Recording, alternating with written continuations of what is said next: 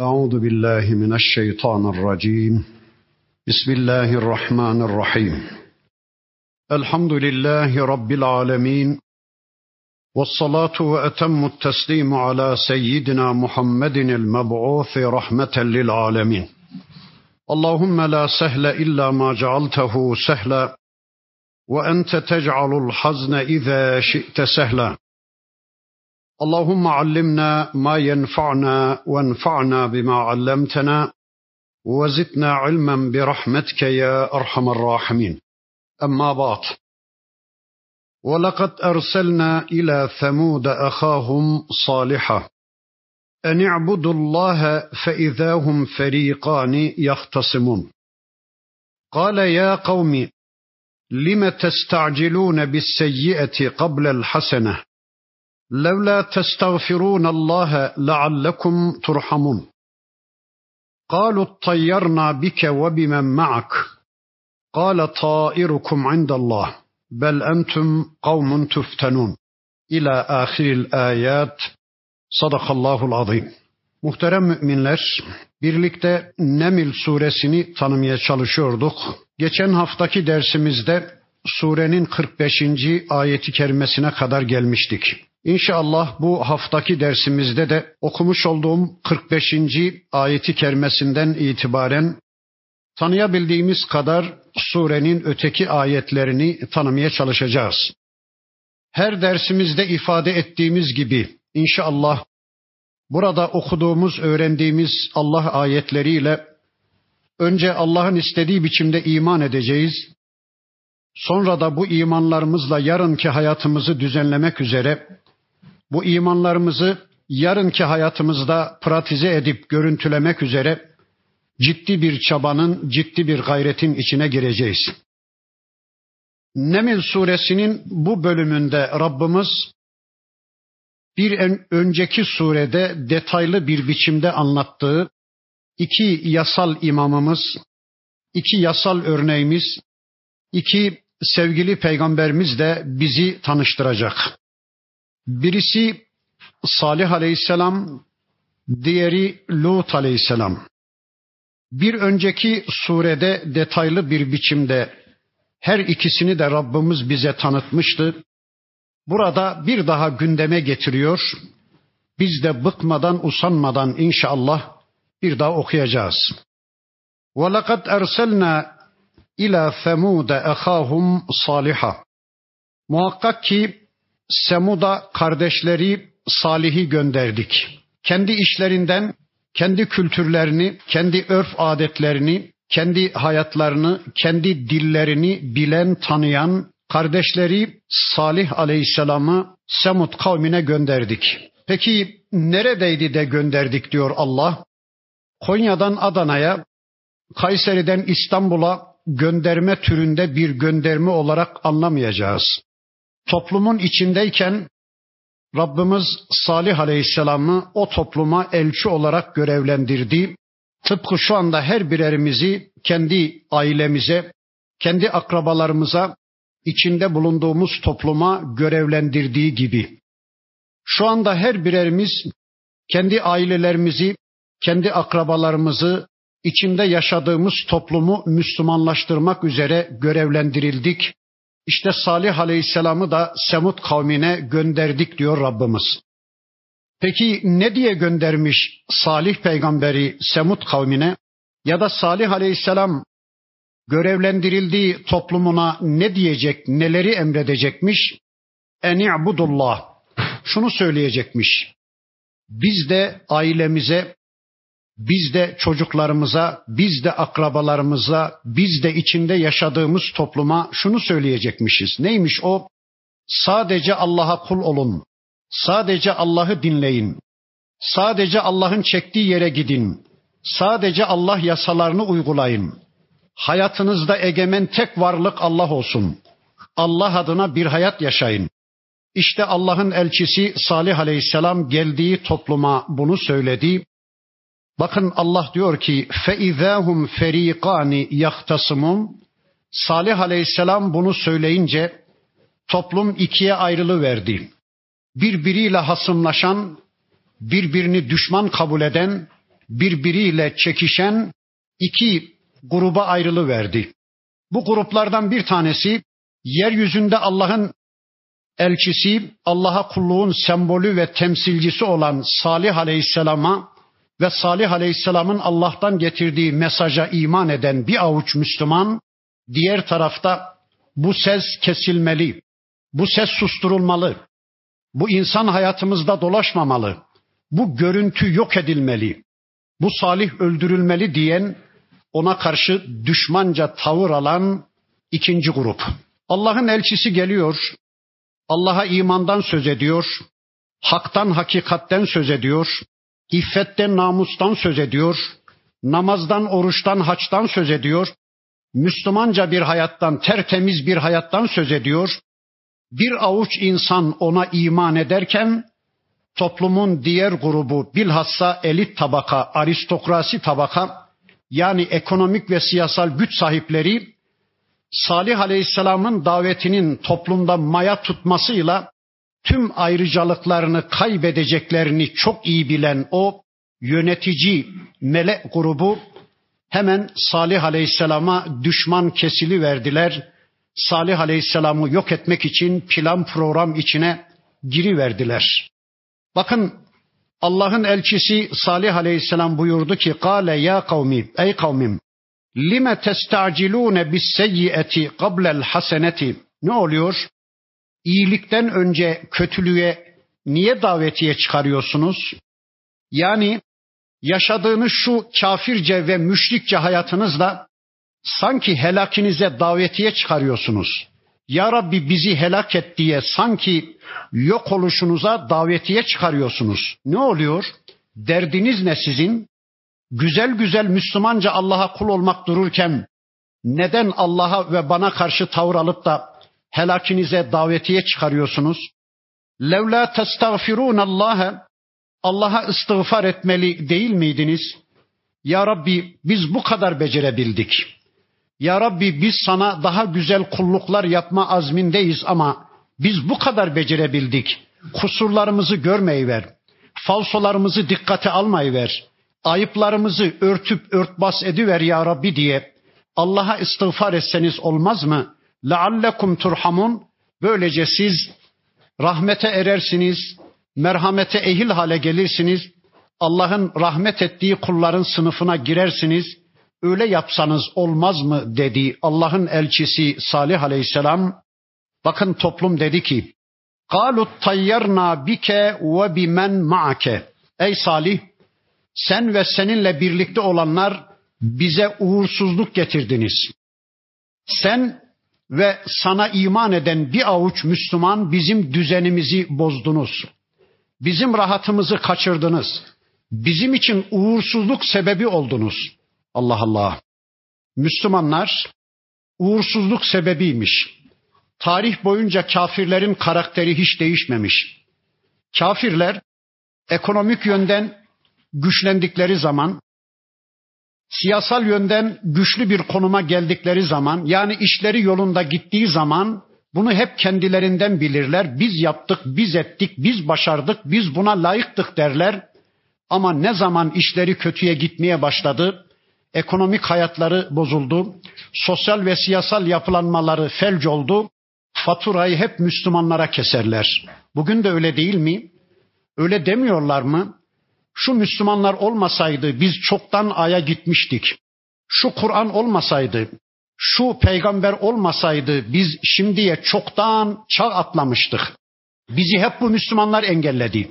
Şu İslam dini engelledi. Şu Kur'an bizi engelledi. Değilse biz şimdiye çoktan işte şu şu şu noktalara gelmiştik. Bugün de demiyorlar mı? Allah için söyleyin. Şu andaki yeryüzü kafirlerinin ilerlemeye engel saydıkları Kur'an yıllardır bu toplumda devre dışı bırakılmadı mı? Şu kafirlerin, şu yeryüzü zalimlerinin ilerlemelerine engel saydıkları İslam bu toplumda yürürlükten kaldırıları, Allah'ın yasaları yürürlükten kaldırılalı yıllar olmadı mı? Evet. Şu anda Kur'an yürürlükte değil. Şu anda bu insanların ilerlemeye engel saydıkları İslam toplumda yürürlükte değil. E niye ilerleyemiyorlar? Gitseler ya şu anda aya, hani niye gidemiyorlar Merih'e? Niye uğursuzlukları devam ediyor? Başarılarını kendilerinden, başarısızlıklarını Müslümanlardan görürler. Müslümanlara fatura ederler. Bakın o günkü toplumda aynısını söylüyordu Salih Aleyhisselam'a. Bakın Salih Aleyhisselam'ın cevabı şöyle oldu. Bizler de günümüz kafirlerine aynen bu şekilde cevap vereceğiz. Bakın dedi ki Salih Aleyhisselam Kale tairukum indallah. Sizin uğursuzluğunuz Allah katındandır. Kaderin sahibi Allah'tır. Kaderi belirleyen biz değiliz, Allah'tır. İyi kötü, hayır şer başınıza ne gelirse hepsi Allah'tandır. Bel entum kavmun tuftenun. Zaten sizler şu anda imtihana çekilmektesiniz. Ey insanlar, ey toplumum. Allah sizi şu anda imtihan ediyor. Sizler Allah'a Allah'ın istediği biçimde kullar olmadığınız için, Allah'a Allah'ın istediği biçimde iman etmediğiniz için, benim Allah'tan getirdiğim mesajı tasdik etmediğiniz için bu sıkıntılar başınıza geliyor. Bu belalar, bu musibetler başınıza geliyor. Sizin uğursuzluğunuzun kaynağı Allah'tır ya da siz imtihanı kaybettiğiniz için Allah'ın istediği tipte kullar olamadığınız için Allah sizi bunlarla imtihan ediyor. Enam suresinde de bu konuyu bir ayeti kerime şöyle anlatıyordu. Allah bir topluma elçilerini gönderiyor. Allah'ın elçileri o toplumu Allah'a kulluğa davet ediyor. Eğer toplum iman etmişse güzel bir hayata ulaştırıyor Allah onları. Ama toplum Allah'ın elçilerini kabul etmemişlerse bu sefer Allah onlara belalar, musibetler gönderiyor, muhtıralar gönderiyor, depremler, kıtlıklar, geçimsizlikler, anarşiler, sel felaketleri, tusinamiler gönderiyor. Yani rahmet tokatları, şefkat tokatları gönderiyor. Sebep toplum kendi acizliğini anlayıp Allah'ın büyüklüğünü anlasın da içlerinde çırpınan elçilerime iman etsinler diye muhtıralar gönderir Rabbimiz. Bu muhtıralar da onların adam olmasına yetmemişse Enam suresindeki ayette Allah diyor ki ondan sonra biz de göklerin ve yerin bereket kapılarını açıveririz. Bolluklar, huzurlar, geçimler, paralar, pullar, makamlar, mansıplar onlara göklerin ve yerin bereket kapılarını açıveririz. Bolluklar içine sokuveririz onları. En sonunda onlar bütün bunlara biz layıktık, biz bulduk, biz elde ettik demeye, şımarmaya başlarlar, sevinip coşmaya başlarlar. Ondan sonra da biz onları yakalayıp ağızlarının payını veri veririz diyor Rabbimiz. İşte bakın burada da Salih Aleyhisselam son derece açık ve net bir biçimde bu konuyu anlatıyor. Ve kâne fil medineti tis'atu Salih Aleyhisselam'ın yaşadığı şehirde dokuzlu bir çete vardı. Yufsidune fil ardı. Onlar yeryüzünde ifsad ediyorlar. Düzen bozuyorlardı. Ve la yuslihun ıslahtan yana da tavır almıyorlardı. Kimdi bunlar? Bunlar toplumu oluşturan her bir kabileden seçilmiş birer kişi toplumu yönetsin diye dokuz kabileden oluşuyormuş şehir. Dokuz insan seçilmiş. İşte bunlar güya gündüz yöneticiydi ama akşamları öldürüyorlar, akşamları soyuyorlar, akşamları gasp ediyorlar. Böyle karanlık dünyanın insanı dokuzlu bir çete vardı.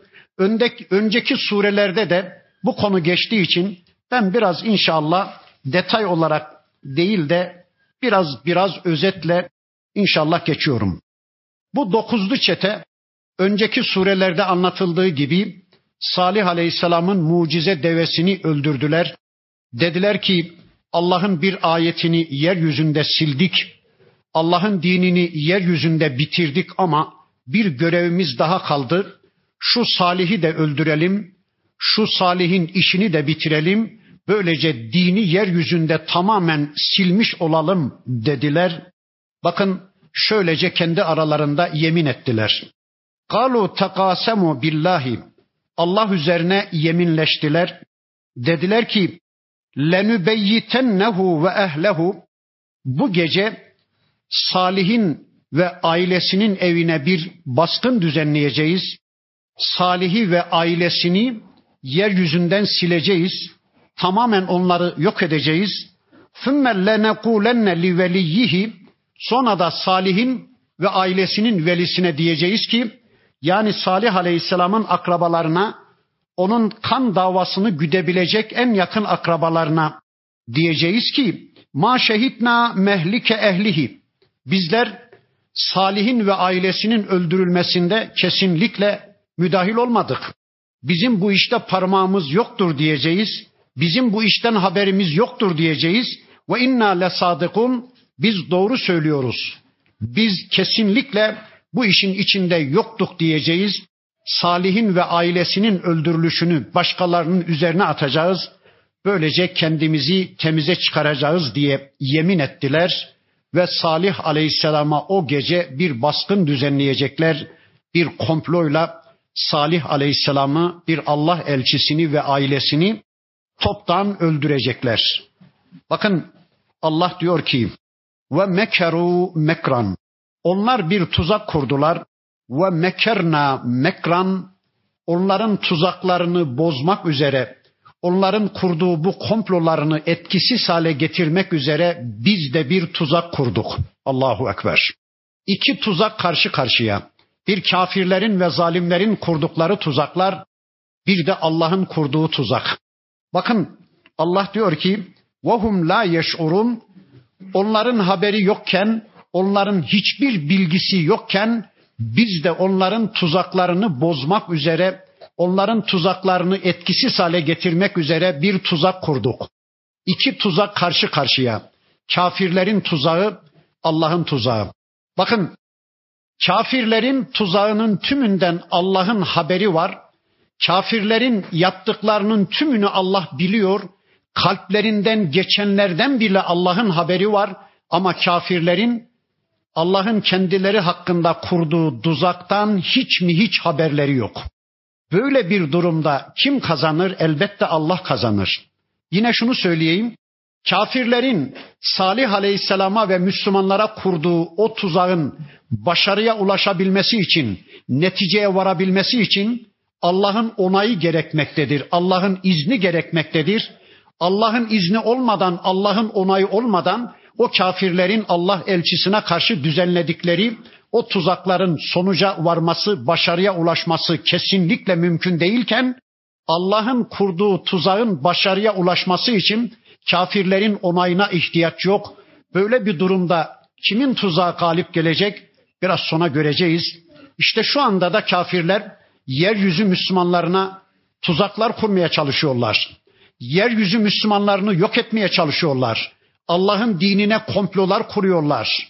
Allah'ın kitabına karşı tuzaklar kuruyorlar. Şu yaştan şu yaşa kadar Kur'an öğretimi yasaktır diyorlar. Şu şu şu noktalarda başörtülü dolaşmak yasaktır diyorlar. Böylece Allah'ın ayetlerine, Allah'ın dinine komplolar kuruyorlar. Söyleyin Allah aşkına. Allah onların kalplerinden geçenleri bile bilirken tüm komplolarından haberdarken onlar Allah'ın kendileri hakkında nasıl bir komplo kurduğunun şuurunda farkında bile değillerken bu kafirlerin komploları başarıya ulaşabilir mi? Kesinlikle ulaşmayacak. Bakın Allah diyor ki: "Fenzur keyfe kana akibetu mekrihim." Bir bakın onların hilelerinin, komplolarının, tuzaklarının akıbeti nice olmuş. Nice olmuş? enna demmernahum ve kavmahum ecmain. O dokuzlu çeteyi de onların toplumunu da o dokuzlu çeteye engel olma gücüne sahip oldukları halde elleri böğründe onları seyreden, onlara engel olma çabası içine girmeyen toplumun diğer üyelerini de yerin dibine geçiri verdik, kırıp geçiri verdik. Önceki surede anlattı Rabbimiz. Mecburen bir daha söyleyeceğim. Mağara evlerine çekilmişler, kendilerini güya garantiye almışlar, dağların içine oymuşlar, mağara evleri yapmışlar. Güya Allah'ın hiçbir ayeti kendilerine etki edemeyecek bir sayha geldi diyor Rabbimiz. Bir titreşim mi, bir ses bombası mı, yoksa Azrail'in geberin şeklindeki bir çığlığı mı bilmiyorum. Diz çökü verdiler diyor Allah. Tıpkı hayvanların yemeyip de ağızlarından ayaklarının altına döküp ayaklarının altında kırıp ezip hurda huş ettikleri bir kesmik yığınına dönüverdiler. İşte bu. Fetilke buyutuhum haviyeten işte yıkılmış harap olmuş evleri gözünüzün önünde duruyor. Ey Mekkeliler sizler Medine'den 350 kilometre biraz daha kuzeye gittiğiniz zaman işte Semut kavminin o Salih Aleyhisselam'ın yaşadığı şehrin harabelerini, yıkıntılarını görüyorsunuz. İnne fî zâlike le âyeten li kavmin ya'lemun. Bütün bunlarda bilen bir toplum için ibretler var, ayetler var, dersler var. Allah'la savaşa tutuşan hiçbir toplum başarıya ulaşamaz.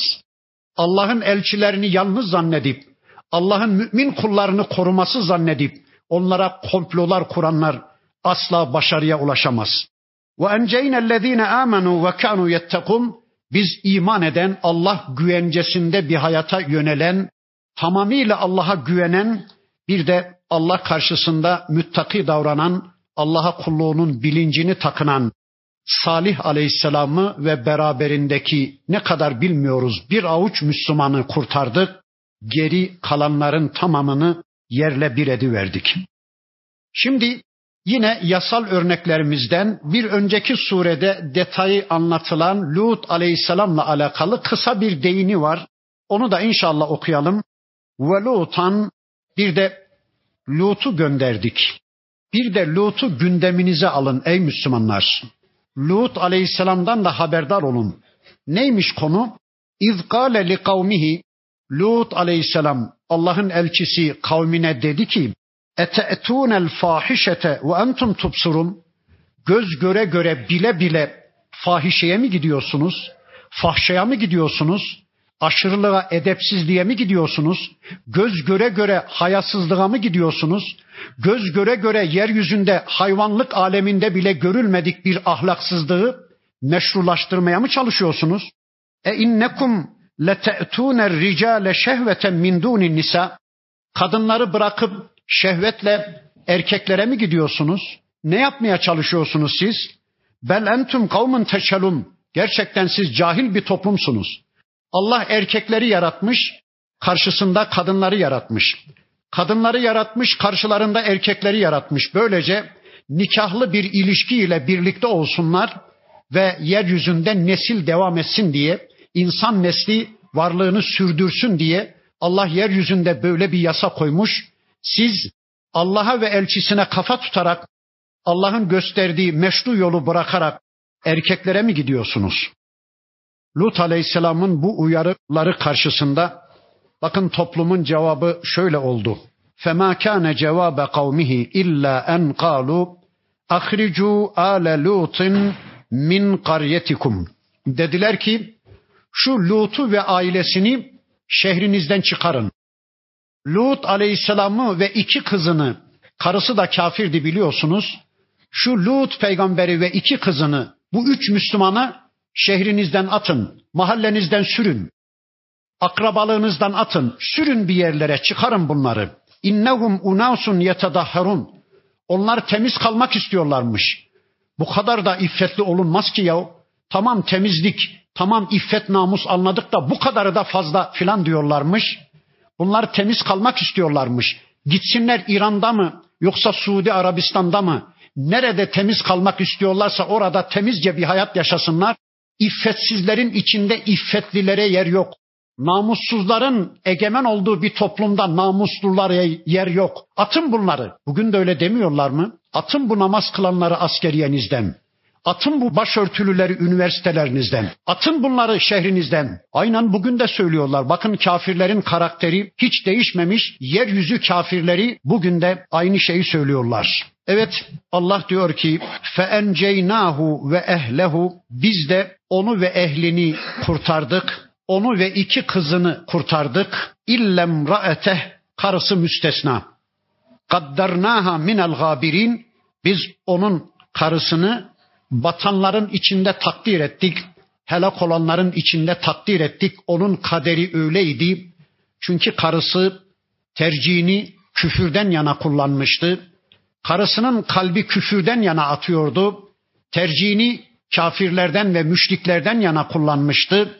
Allah diyor ki İşte biz karısı hariç Lut aleyhisselamı ve iki kızını toplumda iman eden sadece iki kız bir baba vardı. Onları kurtardık. Ve amtarna aleyhim matara diğerlerinin üzerine bir taş yağmuru yağdırdık.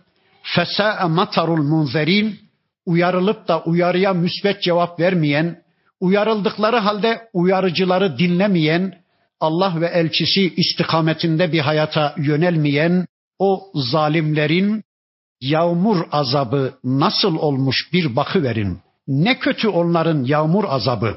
Kulil hamdülillah. De ki ey peygamberim elhamdülillah. De ki ey Müslüman elhamdülillah. Peki neye elhamdülillah? Elbette surenin başından beri anlatılanlara elhamdülillah. Ne anlatıldı? Kısa bir özet yapayım. Surenin başında Musa Aleyhisselam'la Firavun'un kavgası anlatıldı. Musa Aleyhisselam'ın Firavun ve toplumuyla kavgası anlatıldı. Firavun karşısında Musa Aleyhisselam galip geldi elhamdülillah. Musa Aleyhisselam karşısında Firavun ordusuyla birlikte Kızıl Deniz'de boğulup gitti elhamdülillah. Sonra ne anlatıldı? Süleyman Aleyhisselam'ın Belkıs'ı İslam'a daveti anlatıldı. Süleyman Aleyhisselam başarıya ulaştı elhamdülillah.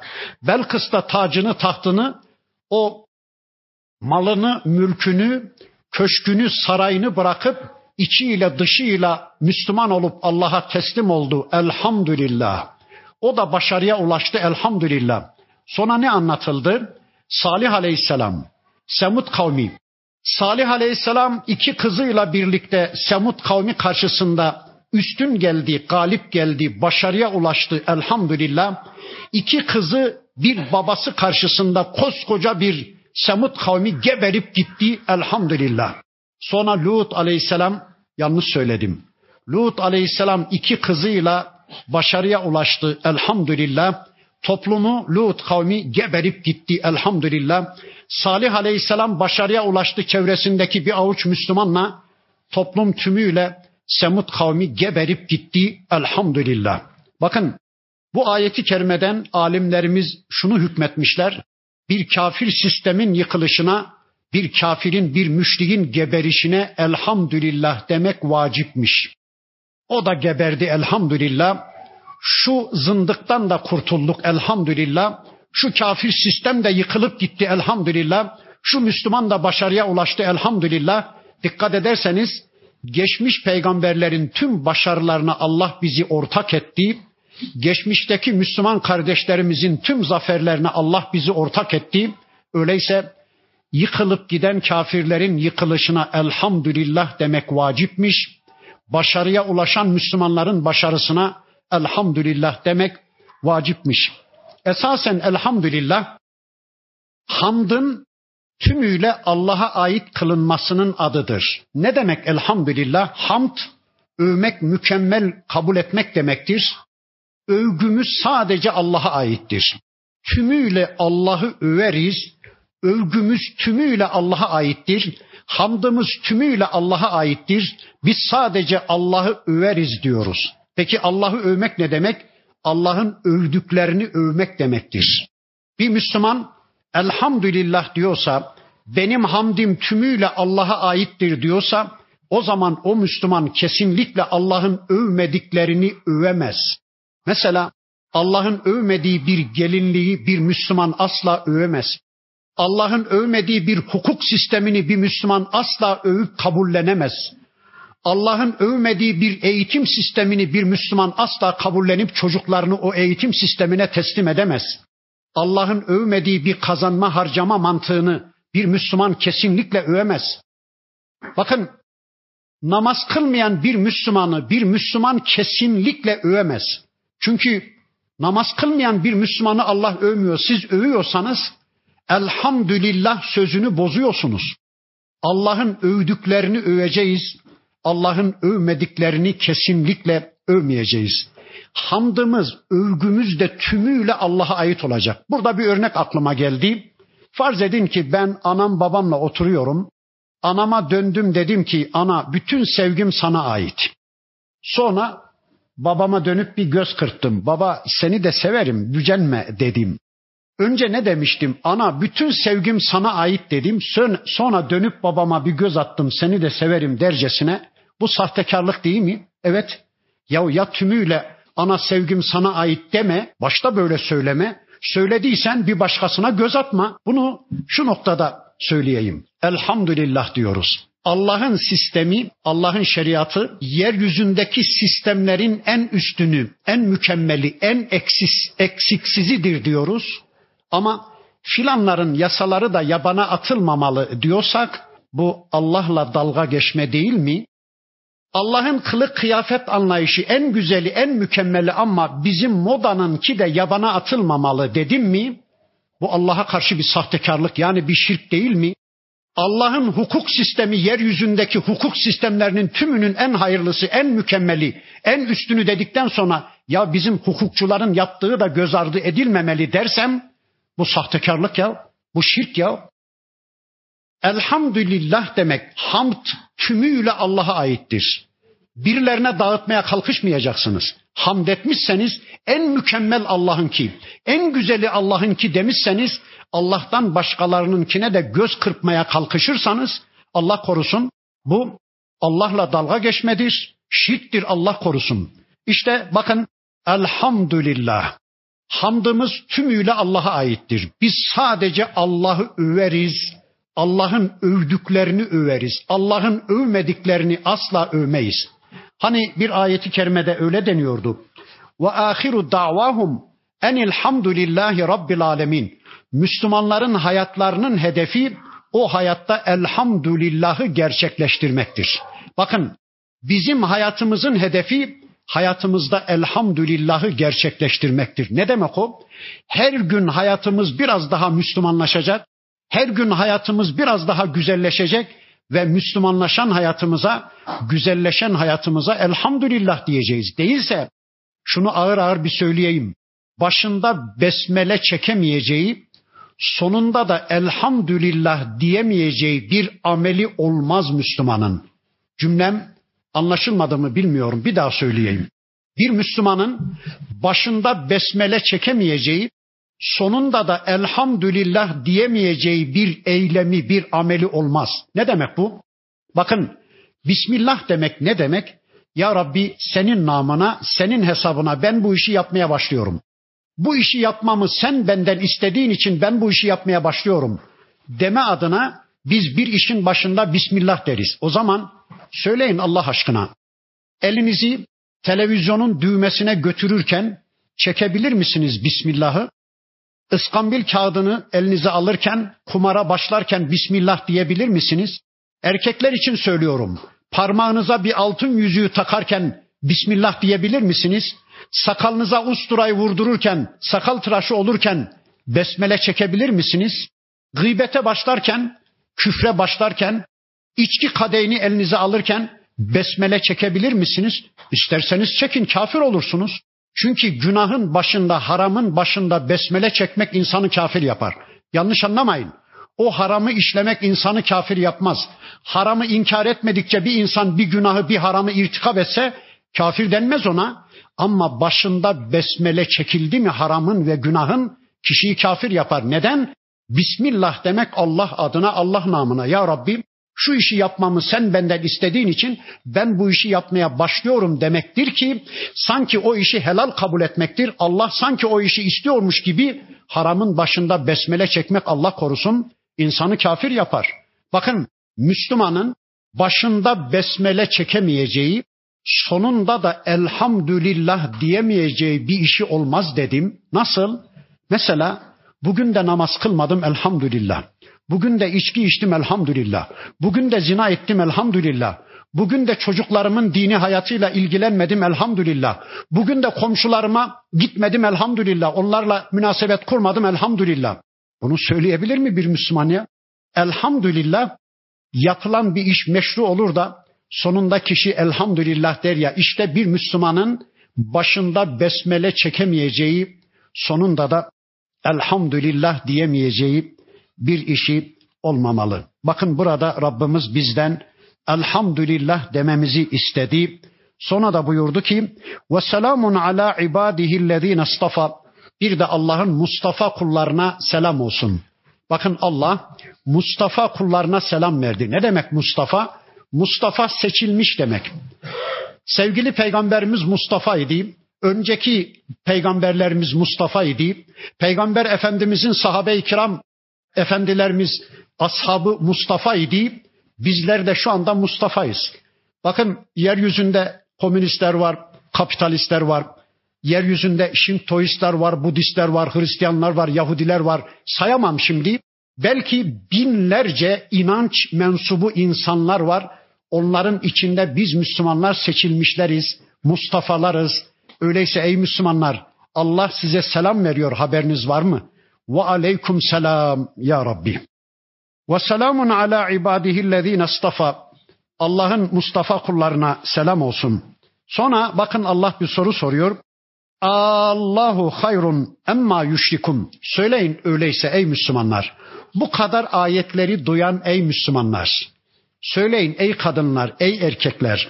Allah mı daha hayırlı yoksa şu yeryüzündeki insanların tapındıkları putlar mı? Allah Allah. Soruya bakın soruya. Allahu hayrun emma yüşrikum. Allah mı daha hayırlı yoksa insanların şirk koştuğu şu tapındıkları cansız putlar mı? Peki böyle bir soru sorulur mu? Aslında böyle bir soru sorulmamalı. Kur'an'da böyle bir soru olmamalı. Niye? Çünkü bakın şöyle bir örnekle ben bunu söylersem biraz daha güzel anlaşılır. Bir soru sorsam ben. Baklava mı yemek istersiniz dayak mı? Ya böyle bir soru sorulur mu? Yani baklavayla dayak karşı karşıya geldiği zaman hiç aklı başında bir insan dayağı tercih eder mi? Bu aynen buna benzer. Baklava mı yemek istersiniz dayak mı? Bakın Allah soruyor. Allahu hayrun emma yüşrikum. Allah mı daha hayırlı yoksa insanların Allah'a ortak koştuğu şu putlar mı? Aslında böyle bir soru sorulmaz da ama şu anda yeryüzünde ineğe de sapa, tapan, sineğe de tapan, taşa da tapan, ağaca da tapan, yıldıza, aya, güneşe de tapan nice binler, nice milyonlar, nice milyarlar var ya onların bu akılsızca tavırlarına uygun düşsün diye, münasip olsun diye bakın Allah böyle bir soru soruyor. Değilse biz Müslümanlara böyle bir soru sorulmaz. Allah diyor ki söyleyin bakalım Allah mı daha hayırlı yoksa insanların tapındığı şu putlar mı? Bundan sonraki ayetlerinde Allah kendisiyle insanların tapındığı putlar arasında bir mukayese yapacak, kendisini tanıtacak kendi özelliklerini ortaya koydukça sonunda diyecek ki şu şu şu şu özelliklerin sahibi olan, şu şu şu nimetleri size sunan Allah mı daha hayırlı yoksa insanların Allah'ı bırakıp da yeryüzünde tapınmaya çalıştıkları putlar mı daha hayırlı diye bize sorular soracak. Daha doğrusu kafirlerin akıllarını erdirmeye çalışacak Rabbimiz. Bakın o ayetleri okumaya başlıyoruz. Emmen halakas semavati vel arda. Söyleyin gökleri ve yeri yaratan Allah mı? Ve enzele lekum mines semai maen gökten size içesiniz doyasınız diye su indiren, yağmur indiren Allah mı? Fe embetna bihi hadaika zate behcetin ma kana lekum en tunbitu şeceraha sizler bir tek ağacını bile dikemezken, sizler bir tek ağacını bile yetiştirmeye güç yetiremezken, yeryüzündeki bunca ağaçları, bunca ormanları, bunca bağları, bahçeleri o indirdiği suyla yetiştiren Allah mı daha hayırlı yoksa şu insanların tapınmaya çalıştığı canlı cansız putlar, tağutlar mı daha hayırlı? Bakın gökleri ve yeri Allah yaratmış. Var mı Allah'tan başka yaratıcı bir varlık? Gökten bize su indirmiş Allah. Var mı Allah'tan başka gökten bunaldığınız zaman iki damla yağmur indirebilecek birileri? Mümkün değil. Bir de bir tek ağacını bile dikmeyi sizler beceremezken, başaramazken bu kadar ormanlıkları, bu kadar dağları, bu kadar ağaçları, bu kadar bahçeleri bitiren Allah mı daha hayırlı? Ama şurayı belki kafanıza takıldı. Bir tek ağacını bile bitirmeye sizin gücünüz yetmezken dedi. Halbuki bizim bahçedeki ağaçların tümünü ben diktim. Bunu nasıl anlayacağız? Bunu şöyle anlayacağız. Yani sizler ne kadar diktiniz? Şu Allah'ın hüday nabit yeryüzünde yetiştirdiği ağaçların, ormanlıkların içinde sizin diktiklerinizin esamesi bile okunmaz. Ne kadar az değil mi? Bir böyle anlıyoruz bunu. Bir de sizin de dikim imkanınızı, sizin de dikim fırsatınızı yaratan Allah'tır. Eğer bizim diktiğimizi filizlendirip yetiştirmeseydi, tutturmasaydı bizim dikmemizin de hiçbir anlamı olmayacaktı. Öyleyse bize dikme imkanını, fırsatını veren de Allah olduğu için işte Rabbimiz böyle buyurmuş. Sonra da diyor ki bakın e ilahun ma Allah. Allah'la birlikte başka ilaha, Allah'la birlikte başka ilahların varlığına da inanıyorsunuz öyle mi? Velhum kavmun ya'dilun. Sizler gerçekten Allah'ı başkalarına denk tutan ya da Allah'ın yarattığı basit varlıkları yaratıcı olan Allah'a denk tutan akılsız varlıklarsınız. Bir mukayese daha. Emmen cealel arda kararan yeryüzünü oturma yeri, karar yeri, istikrar mahalli yapan. Şu anda oturuyorsunuz bakın. İnanın altınızdaki dünya baş döndürücü bir süratle şu anda dönüyor ama hiç haberimiz yok. Beynimiz bulanmıyor, yere falan düşmüyoruz. Yer çekimi kuvvetiyle Allah öyle muazzam bir yasa koymuş ki bakın şu anda çok rahat oturuyoruz. Halbuki altınızdaki dünya baş döndürücü bir süratle dönüyor. Allah yeryüzünü istikrar mahalli, karar mahalli kılmış. Ceale hilalehe enharam Yeryüzünde nehirler akıtmış Rabbimiz, ırmaklar akıtmış. Ve ceale leha ravasiye yeryüzüne sabit dağlar yerleştirmiş. Yeryüzünü dengede tutmak için, yeryüzüne bir balans ayarı yapmak için Rabbimiz sabit dağlar yerleştirmiş. Ve ceale beynel bahrayni hacize. Bir de iki deniz arasına engeller koymuş, hacizler koymuş. Bunu nasıl anlayacağız? Bahru sema bahrul arz. Arada engeller var. Mesela başınızı kaldırıp baktığınız zaman gökyüzünde kesif bulutlar görürsünüz. O bulutlarda binlerce, milyonlarca ton su var ama hemen aşağı inmiyor değil mi? Birden aşağı ini vermiyor. Eğer kontrolsüz bir biçimde onlar aşağı ini verseydi yeryüzünde hayat diye bir şey kalmazdı. Nereye ne kadar indireceğini Allah biliyor. Bakın bir engel koymuş. Binlerce, on binlerce ton su var o bulutun içinde ama aşağı inmiyor. Yine yeryüzündeki suları da aynı şekilde düşünebiliriz. Allah yeryüzünde bir haciz koymuş, bir engel koymuş. Yeryüzündeki sular mama tabakasına doğru, toprağın derinliklerine doğru inip gitmiyor. Yeryüzünde duruyor, içelim diye, kullanalım diye, kuyularımızda, havuzlarımızda suları depo edelim diye Allah böyle engeller koymuş. Bir böyle anladık. Bir de denizlerde acısı tatlısına karışmıyor, soğuğu sıcağına karışmıyor. Mesela Marmara'nın suyuyla Karadeniz'in suyu birbirine karışmıyor. Marmara'nın suyunun tuzluluk oranıyla Karadeniz'in suyunun tuzluluk oranı farklı ama birbirine karışmıyor. Yine denizlerde tuzlu su tuzsuz suya karışmıyor. Denizlerde Golfistrim gibi sıcak su akıntılar var akıp gidiyor. Soğuk suya karışmıyor. İşte Allah diyor ki biz engeller koyduk ki birbirine karışmasın diye ya da denizlerin arasına kıtalar, karalarla engeller koymuş Allah. Şu kara parçaları olmasaydı denizler birleşi verirdi. Yeryüzünde hayat diye bir şey kalmazdı. İşte Allah o denizlerin arasına kara parçalarını engel koyu vermiş. Onlar birleşmiyorlar. Şimdi söyleyeyim. Bütün bunları Allah'tan başka becerebilecek birileri var mı? E ilahun ma Allah. Allah'la birlikte başka ilahlar ha Bel ekseruhum la ya'lemun. Bilakis insanların birçoğu bu gerçekleri bilmiyorlar.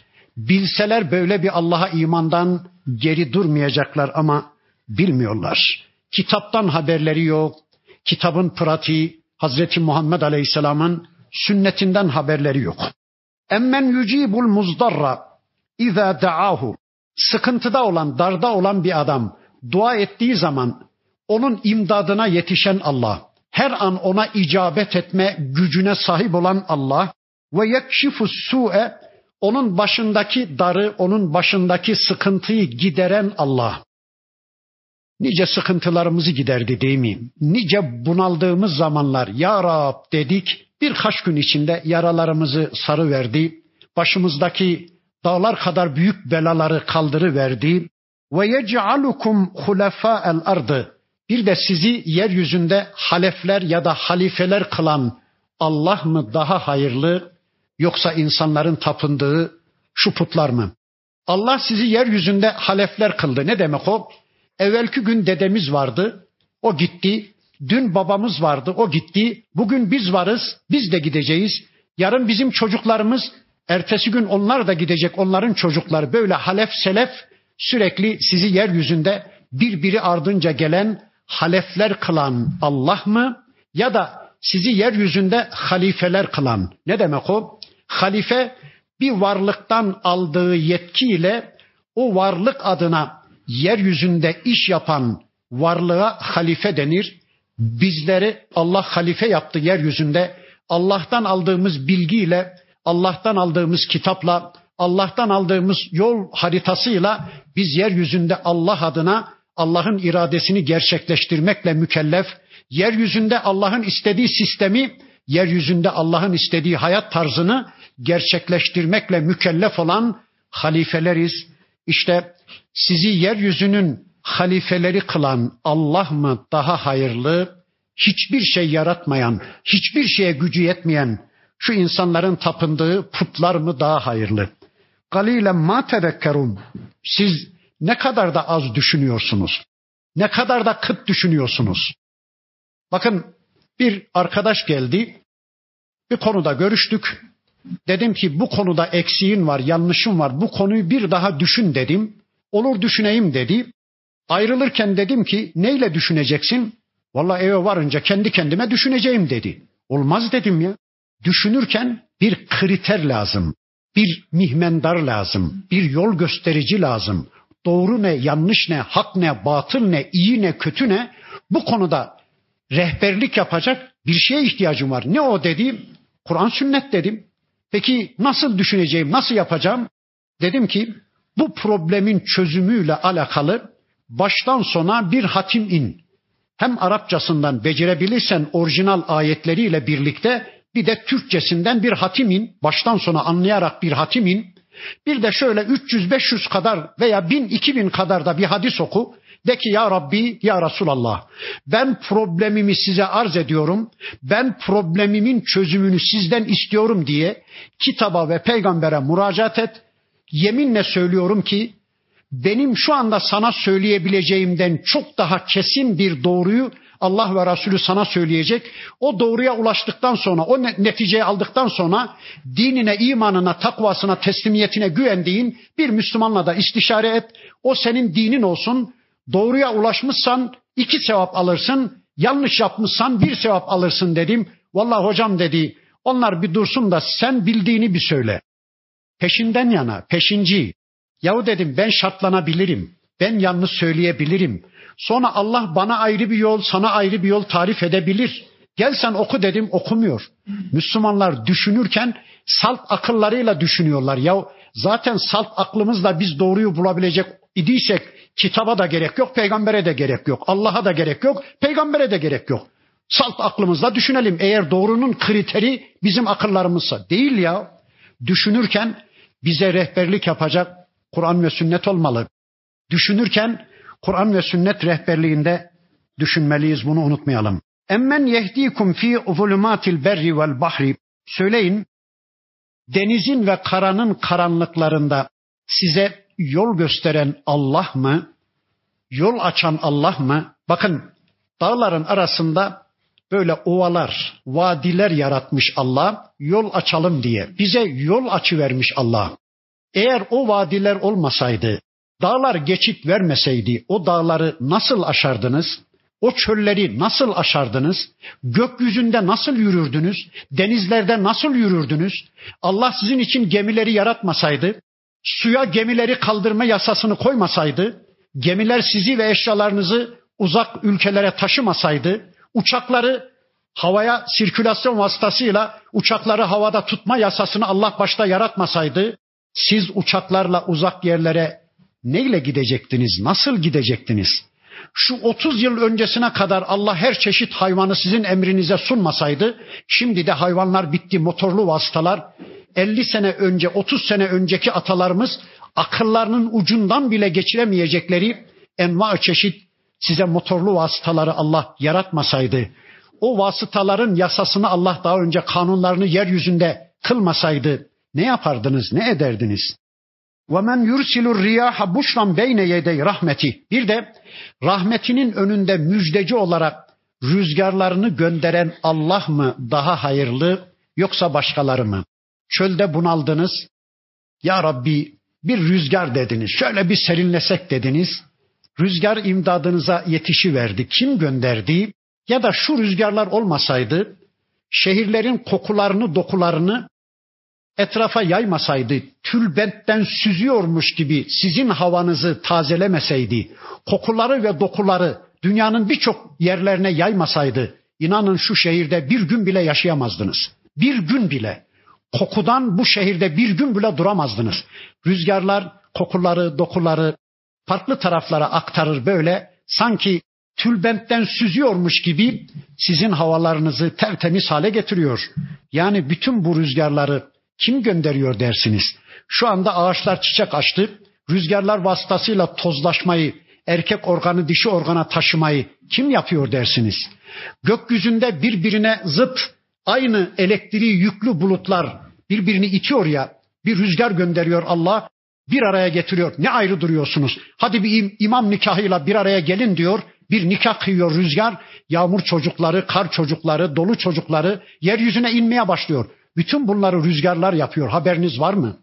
Rüzgar sizin için ne büyük nimet. Bakın Allah diyor ki bunaldığınız, daraldığınız zaman imdadınıza rahmetin müjdecisi olarak o rüzgarları gönderen Allah mı daha hayırlı yoksa başkaları mı? E ilahum ma Allah. Söyleyin Allah'tan başka bir ilah mı? Taalallahu amma yüşrikum. O Allah onların şirk koştuklarının tümünden münezzehtir, tümünden beridir, tümünden yücedir. Emmen yebdeul halka yaratılışı ilk defa gerçekleştiren, sizi yaratan sümme yu'iduhu sonra ölümlerinizden sonra sizi tekrar yaratacak olan mantar bitiyormuş gibi kabirlerinizden kıyamet günü sizi tekrar kaldıracak olan Allah mı? وَمَنْ يَرْزُقُكُمْ مِنَ السَّمَاءِ وَالْاَرْضِ Sizi gökten ve yerden rızıklandıran, size gökten ve yerden rızıklar indiren, rızıklar yağdıran Allah mı daha hayırlı yoksa şu putlar mı? E ilahum ma Allah. Allah'la birlikte başka ilaha Kul hatu burhanekum in kuntum sadıkin. Eğer sadıksanız, eğer iddialarınızı eyleme dönüştürme gücünüz varsa, hadi bakalım Allah'tan başka ilahlar varsa buna bir delil getirin, buna bir burhan getirin. Ama kitap ve sünnet rehberliğinde düşünmeyen insanlar, kitap ve sünneti tanımadan düşünce geliştiren insanlar kendi yalanlarını uydururlar, yalanlarını desteklemek için başka yalanlar uydururlar ve sonunda kendi yalanlarına kendileri de inanmaya başlarlar. Kendileri savunmaya yönelirler. Aklıma bir örnek geldi. Onunla anlatırsam biraz da net olur. Abdullah İbni Mesud diye bir sahabe-i kiram efendimiz var. Abdullah İbni Mesud bir buçuk metre boyunda bacakları incecik ama Kur'an'ı en iyi bilenlerden, sünneti en iyi bilenlerden, fıkhı en iyi bilenlerden, hadis konusunda imamlarımızdan bir zattır Abdullah İbni Mesud. Bir kadın ona gelmiş. Demiş ki ey İbni Mesud, duydum ki sen saç ektirenlere, estetik güzellik olsun diye dişlerini seyrettirenlere lanet ediyormuşum. Nereden çıkardın bunu? Ben Allah'ın kitabı Kur'an'ı başından sonuna kadar okudum. Böyle bir şey görmedim. Abdullah İbni Mesud Efendimiz diyor ki ey kadın sen gerçekten Kur'an'ı okusaydın onu görürdün. Hayır ben okudum görmedim diyor kadın. Bu sefer İbni Mesud Efendimiz diyor ki ey kadın sen bilmiyor musun? Allah Kur'an'da وَمَا آتَاكُمُ الرَّسُولُ فَخُذُوهُ وَمَا نَهَاكُمْ عَنْهُ فَانْتَهُ benim peygamberim size neyi vermişse onu alın, neden men etmişse de ondan uzak durun demiyor mu? Kadın diyor ki doğru, bu doğru diyor. Öyleyse peygamberim yasakladı diyor. Kadın savunmaya geçiyor şimdi. İlla bir şeyler savunacak, itiraz edecek ya. İyi de diyor ey İbni Mesud senin hanımında da bu tür şeylerin olduğunu biliyorum. İbni Mesud Efendimiz diyor ki git diyor bak gerçekten onda estetik güzellik için dişlerini seyretme, saç ektirme gibi bir özellik görürsen gel ondan sonra konuşalım. Kadın gidiyor İbni Mesud'un evine, karısını buluyor, gözlemliyor, bakıyor, araştırıyor, bakıyor ki gerçekten dediği şeylerin hiçbirisi İbni Mesud Efendimizin hanımında yok. Geri dönüp geliyor, evet yokmuş diyor. İbni Mesud Efendimiz diyor ki ey kadın bilmez misin? Onda böyle bir şey olsaydı biz onunla birlikte olmazdık diyor. Bunu şunun için söyledim. Bir konuda insanların üstüne varılınca itiraz etmeye başlarlar, savunmaya başlarlar, yalan uydururlar, yalanlarını bir başka yalanla desteklemeye kalkışırlar. İşte Allah diyor ki hadi varsa bir deliliniz onu getirin. Son bir ayet daha okuyayım. Zamanımız doldu inşallah. Burada kalalım. Kul de ki la ya'lemu men fis semavati vel ardıl gaybe. Göklerde ve yerde hiç kimse kaybı bilmez. İllallah ancak Allah bilir. Göklerde ve yerde Allah'tan başka hiç kimse kaybı bilmez. Bu bir Allah yasası. Peygamber Efendimiz bile kaybı bilmez. Karısı Ayşe annemize bir iftira edildi. Bilemedi de bir ay ağladı. Karısı Ayşe annemize ey Ayşe doğru söyle böyle bir şey yaptın mı demedi mi? E kaybı bilse peygamberimiz niye sorsun hanımına? Yakup Aleyhisselam oğlu Yusuf'u kardeşleri birkaç kilometre ötede bir tepenin arkasında kuyuya atmışlar. Baba bir peygamber Yakup Aleyhisselam kaybı bilmiyor. Bilse gidip oğlunu çıkarır orada. Mısır'a gitmiş oğlu Yusuf köle olarak satılmış bir peygamber olmuş. Yakup Aleyhisselam ağlaya ağlaya gözleri kör olmuş. Bilmiyor kaybı bilse niye ağlasın da?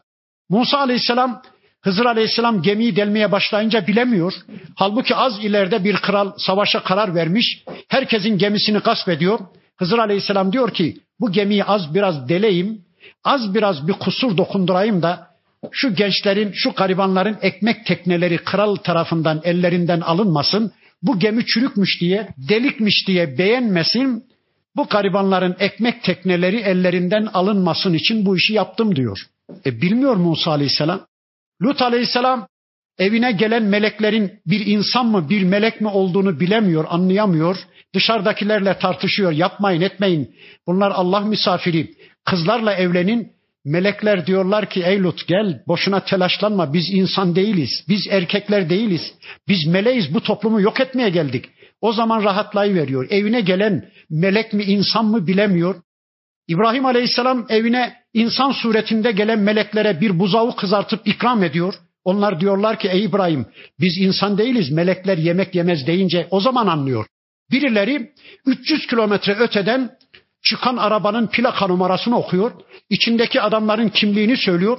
Geliş niyetlerini okuyor. Bunlar ne? Bunların dinle ilgisi yok. Peygamberleri anlattım ben size. Onlar kaybı bilmiyorlar. Birileri bugün kalpten geçenleri biliyormuş kaybı biliyormuş falan filan. Bunların ne anlama geldiğini ben bilmiyorum. Din bu ortada ama inşallah biz bu ayeti kerimede kalalım. Geri kalan bölümü önümüzdeki hafta tanımak için tekrar bir araya gelmek üzere Allah'a emanet olun.